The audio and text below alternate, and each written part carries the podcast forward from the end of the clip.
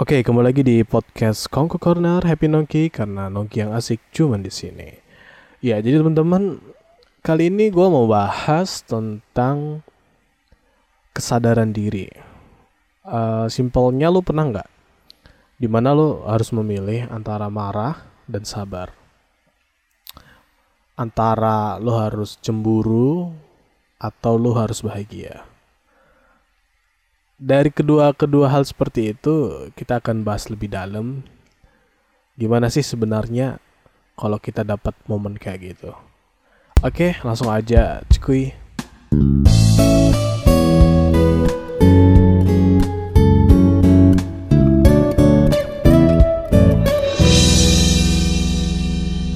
Ya, jadi kita sebagai manusia pasti pernah ya uh, dihadapkan dalam sebuah kondisi lo bingung antara antara memilih lo harus marah, lo harus sabar gitu. Lo harus cemburu, lo harus diam, lo harus ngomong ataupun lo harus mengeluarkan seluruh emosi gitu kan. Lo harus nangis. Kita pernah dihadapkan dalam sebuah kondisi yang mana kita harus memilih. Tapi tetapi banyak orang tidak sadar akan itu. Kebanyakan orang cenderung tidak melihat bahwa mereka diberi sebuah pilihan. Gue juga sering sering banget ya dapat momen kayak gitu. Dalam kondisi di mana gue harus marah ya, dalam tanda kutip gue harus marah kadang kita terlalu cepat menjudge bahwasannya dalam kondisi itu kita harus marah, kita harus senang, kita harus nangis gitu. Padahal lo tahu lo itu manusia dan lo punya akal sehat yang mana lo bisa memilih. Ketika terjadi sesuatu sama lo, terjadi musibah gitu kan. Terjadi misalnya uh, lo diputusin gitu kebanyakan orang akan menjudge uh, jalur yang normal gitu kan. Jalur yang biasa dilakukan dilakukan kebanyakan orang itu adalah galau ketika diputusin. Tapi sebenarnya lo tahu nggak? Kita itu diberi sebuah karunia oleh Allah oleh Tuhan kita itu untuk memilih Kenapa orang banyak melakukan itu? Kenapa orang banyak ketika lo diputusin lo harus galau gitu kan? Ketika lo berantem sama temen lo, lo harus marah atau lo harus nangis, lo harus kecewa gitu. Ketika sesuatu hal kita akan menjudge momen itu harus seperti ini mood kita gitu kan. Momen itu emosi kita harus seperti ini gitu. Ketika lo ketika lo dapat error, ketika lo ditolak skripsinya gitu, ketika lo ditolak lamaran kerja gitu kan ketika lo melakukan sebuah hal yang itu berhubungan dengan perasaan emosional tingkah laku kita kebanyakan dari kita itu langsung menjudge sikap kita akan seperti itu gitu. Ketika diputusin ketika diputusin sikap kita ya udah ya udah. Diputusin ya udah mau ngapain gitu kan. Galau deh gitu. Nangis deh gitu. Nggak makan deh gitu Kebanyakan nonton sinetron kali ya. Padahal ketika kita mendapatkan momen seperti itu, kita itu udah diberi karunia oleh Tuhan, oleh Allah Subhanahu wa taala untuk memilih. Untuk memilih. Coba deh kalau lo dapat momen kayak gitu lagi di mana uh, perasaan lo nggak tahu perasaan lo bercampur aduk gitu kan. Dan rata-rata kita harus uh, rata-rata kita berpikir dengan momen seperti ini kita harus marah, kita harus nangis. Tapi coba ngelakuin, uh, ngelakuin apa yang gue bilang ya. Gue uh, gue tuh dapat uh, tips ini dari berbagai buku untuk memanajemen emosional dan memanajemen diri kita. Itu salah satunya dengan cara kesadaran diri. Jadi bayangin pada saat posisi itu, uh, POV ya, point of view lo, gitu kan itu lo sedang melihat uh, diri lo sendiri gitu. Lo sedang melihat misalnya nih, lo lagi diputusin pada hari itu juga di cafe gitu kan. Coba bayangkan seperti itu dan lo lagi ngeliat diri lo sendiri gitu kan. Nah ketika lo ngelakuin itu lo akan sadar. Lo akan ngeliat diri lo sendiri kalau lo itu sebenarnya uh, bisa memilih antara galau bahagia senang kecewa dan lain sebagainya sebenarnya lo bisa memilih nah coba deh ngelakuin itu ketika lo dihadapkan hal-hal seperti itu. Oke, kembali lagi. Tadi kan lo uh, lihat diri lo sendiri, ya kan, sedang diputusin kan. Nah, coba pikirkan ketika lo lihat diri lo galau, nangis ketika diputusin. Resapi hayati. Pasti lo akan merasa kasihan terhadap diri lo sendiri. Lo, akan merasa kenapa harus kayak gitu gitu kan dan lo yang keluar dari tubuh lo ini ya kan point of view lo yang di luar tubuh lo sendiri lo sebenarnya kayak berpikir iya juga ya kenapa gue harus galau ya iya juga ya kenapa gue harus seperti ini ya? Iya juga ya kenapa gue harus nangis gitu kan. Padahal gue bisa memilih selain galau selain nangis gitu. Nah seperti itu poin dari kesadaran diri. Ketika kita ditolak skripsinya, ketika kita ditolak lamaran pekerjaannya gitu kan. Ketika kita mungkin uh, dapat ancaman, dapat fitnah-fitnah yang entah dari mana asalnya. Lo itu manusia dan lo diberi karunia kesadaran diri lo sendiri untuk tidak patuh terhadap momen itu. Untuk tidak patuh terhadap emosional yang lo bawa saat itu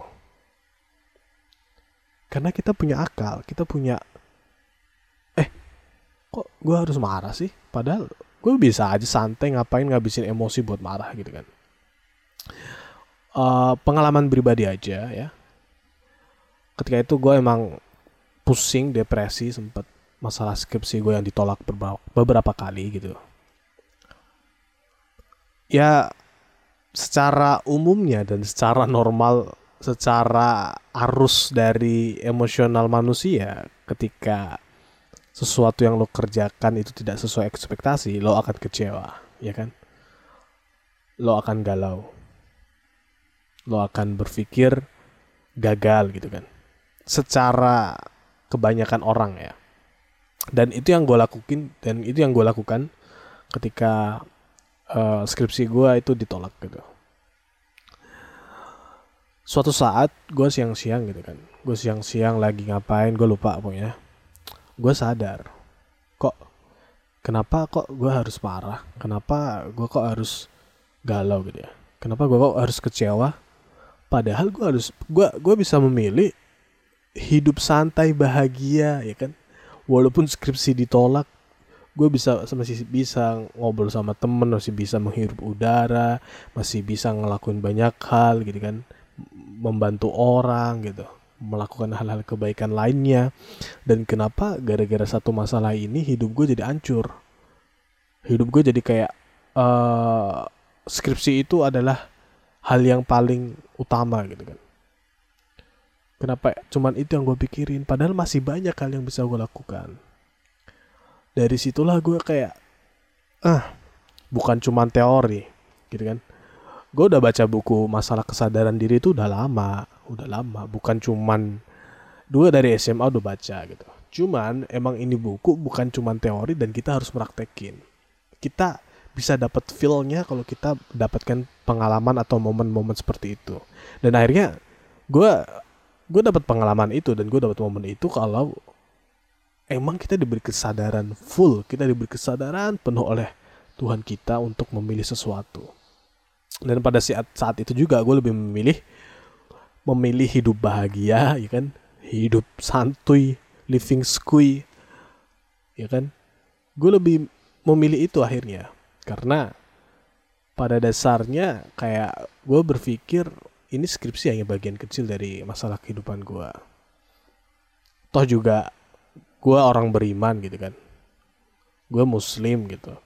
Gue yakin Allah juga menulis sudah menuliskannya di lauhul mahfuz gitu.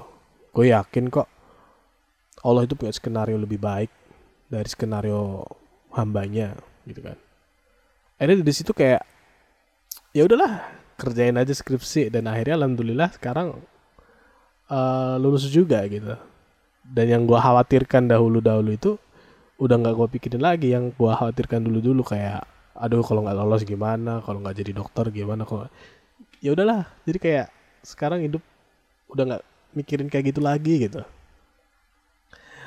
Itu benar-benar uh, sebuah momen yang nggak akan terlupakan ya. Nggak akan terlupakan karena ya mungkin satu titik poin merubah sudut pandang diri gue terhadap masalah. Sudut pandang hmm, tentang menyikapi suatu hal gitu.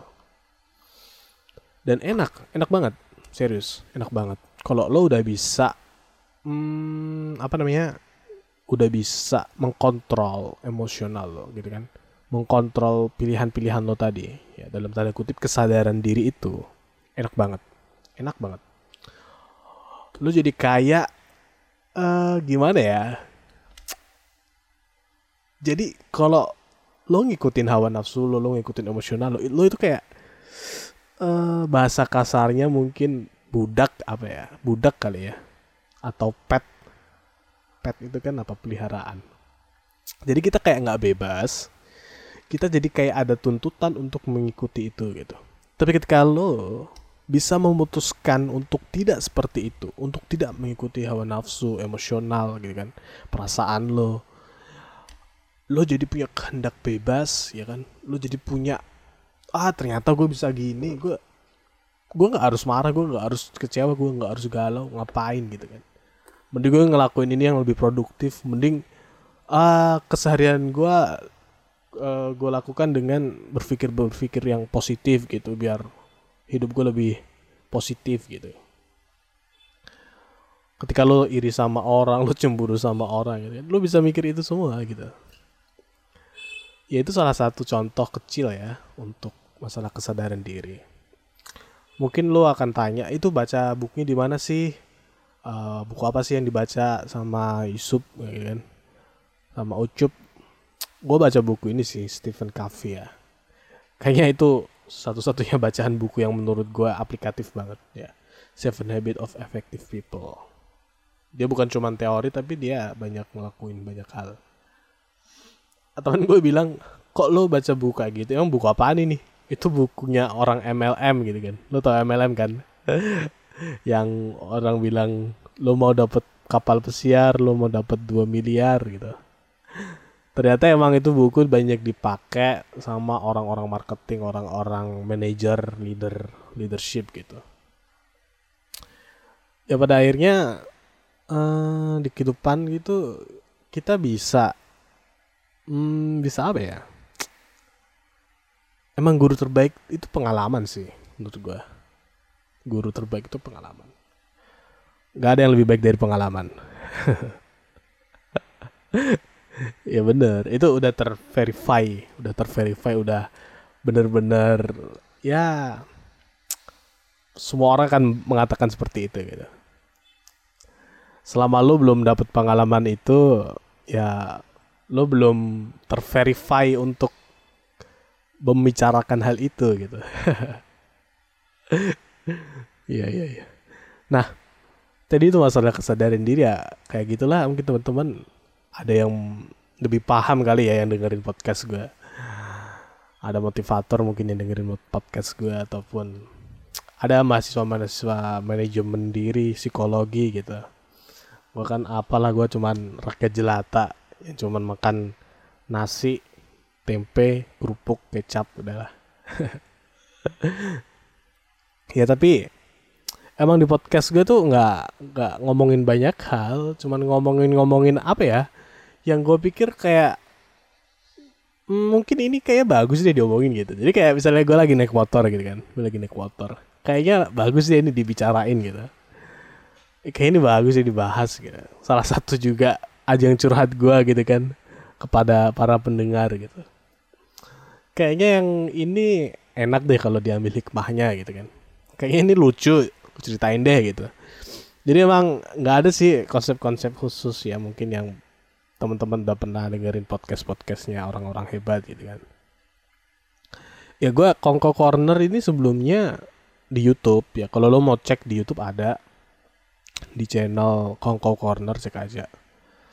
Itu lebih ada podcast gitu podcast. Cuman kayak podcastnya Deddy Corbuzier ya kan? Deddy Corbuzier. Buzer atau Buzir gue nggak tahu.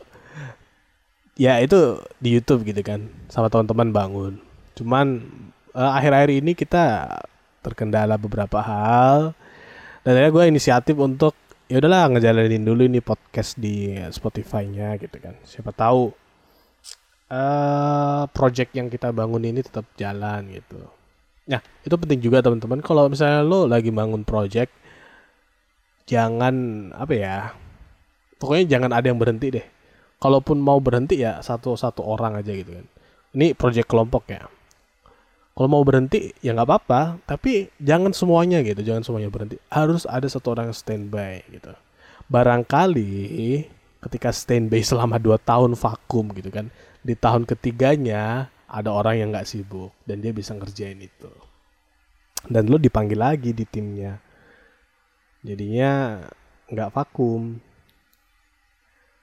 Dan itu yang menurut gue penting banget ya untuk uh, membangun sebuah project ya. Jangan ada yang berhenti. Berhenti satu boleh. Yang semuanya yang itu jangan gitu. Itu sih untuk Kongo Corner.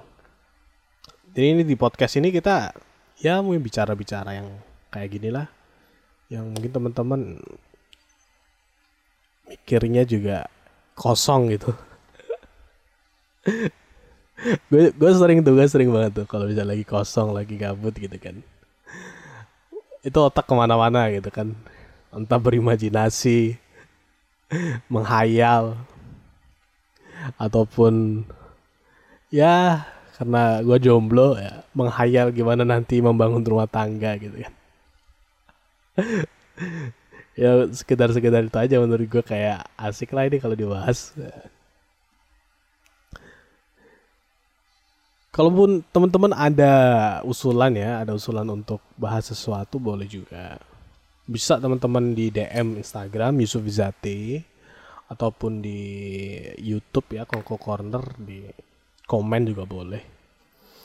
Ataupun hmm, WhatsApp jangan kayak di WhatsApp. Nanti terbongkar informasi pribadiku. Oh iya. Yeah. gue kayak Intel aja Indomie telur. Karena uh, gimana ya gue juga bangun Spotify eh, bangun Spotify amin. Suatu saat gue udah punya Spotify ya lumayan lah. Gue bangun Kongko Corner atau sama teman-teman bangun Spotify yang Kongko Corner yang ada di Spotify ya sama teman-teman ini emang belum ada tujuan khusus kita lebih ke ini saya sih khususnya lebih ke mengekspresikan passion gue yang suka cerita ke orang ya. Gue kalau ketemu teman gitu kan, teman deket ya, gue suka banget tuh cerita banyak hal gitu kan. Dari utara, selatan, barat, timur gue ceritain dan ceritanya itu cerita-cerita yang gimana ya, mengalir gitu. Gue suka banget tuh obrolan-obrolan yang receh-receh gitu yang menurut gue kayak asik aja ngehalu gitu. Asik aja ngehalu gitu. Gue gue salah satunya nggak suka sih obrolan-obrolan yang ada subjek orang di situ gitu. Dalam artian subjek temanmu sendiri gitu. Ataupun subjek orang lain gitu. Gibah coy maksud gue gibah. Gosip gosip gue nggak terlalu suka sih topik-topik gosip gitu mungkin dari di antara lo ada yang suka gitu kan. Itu kalau udah bahas gosip gitu langsung naik naik emosional. Betul betul betul betul. Ya gitu gitu gitu. Gue gue nggak terlalu suka sih yang kayak gitu. Gue lebih suka yang bahas-bahas hal receh gitu. Receh tapi ngalir gitu kan. Misalnya bahas awal kita bahas ya harga cilok sekarang berapa gitu kan.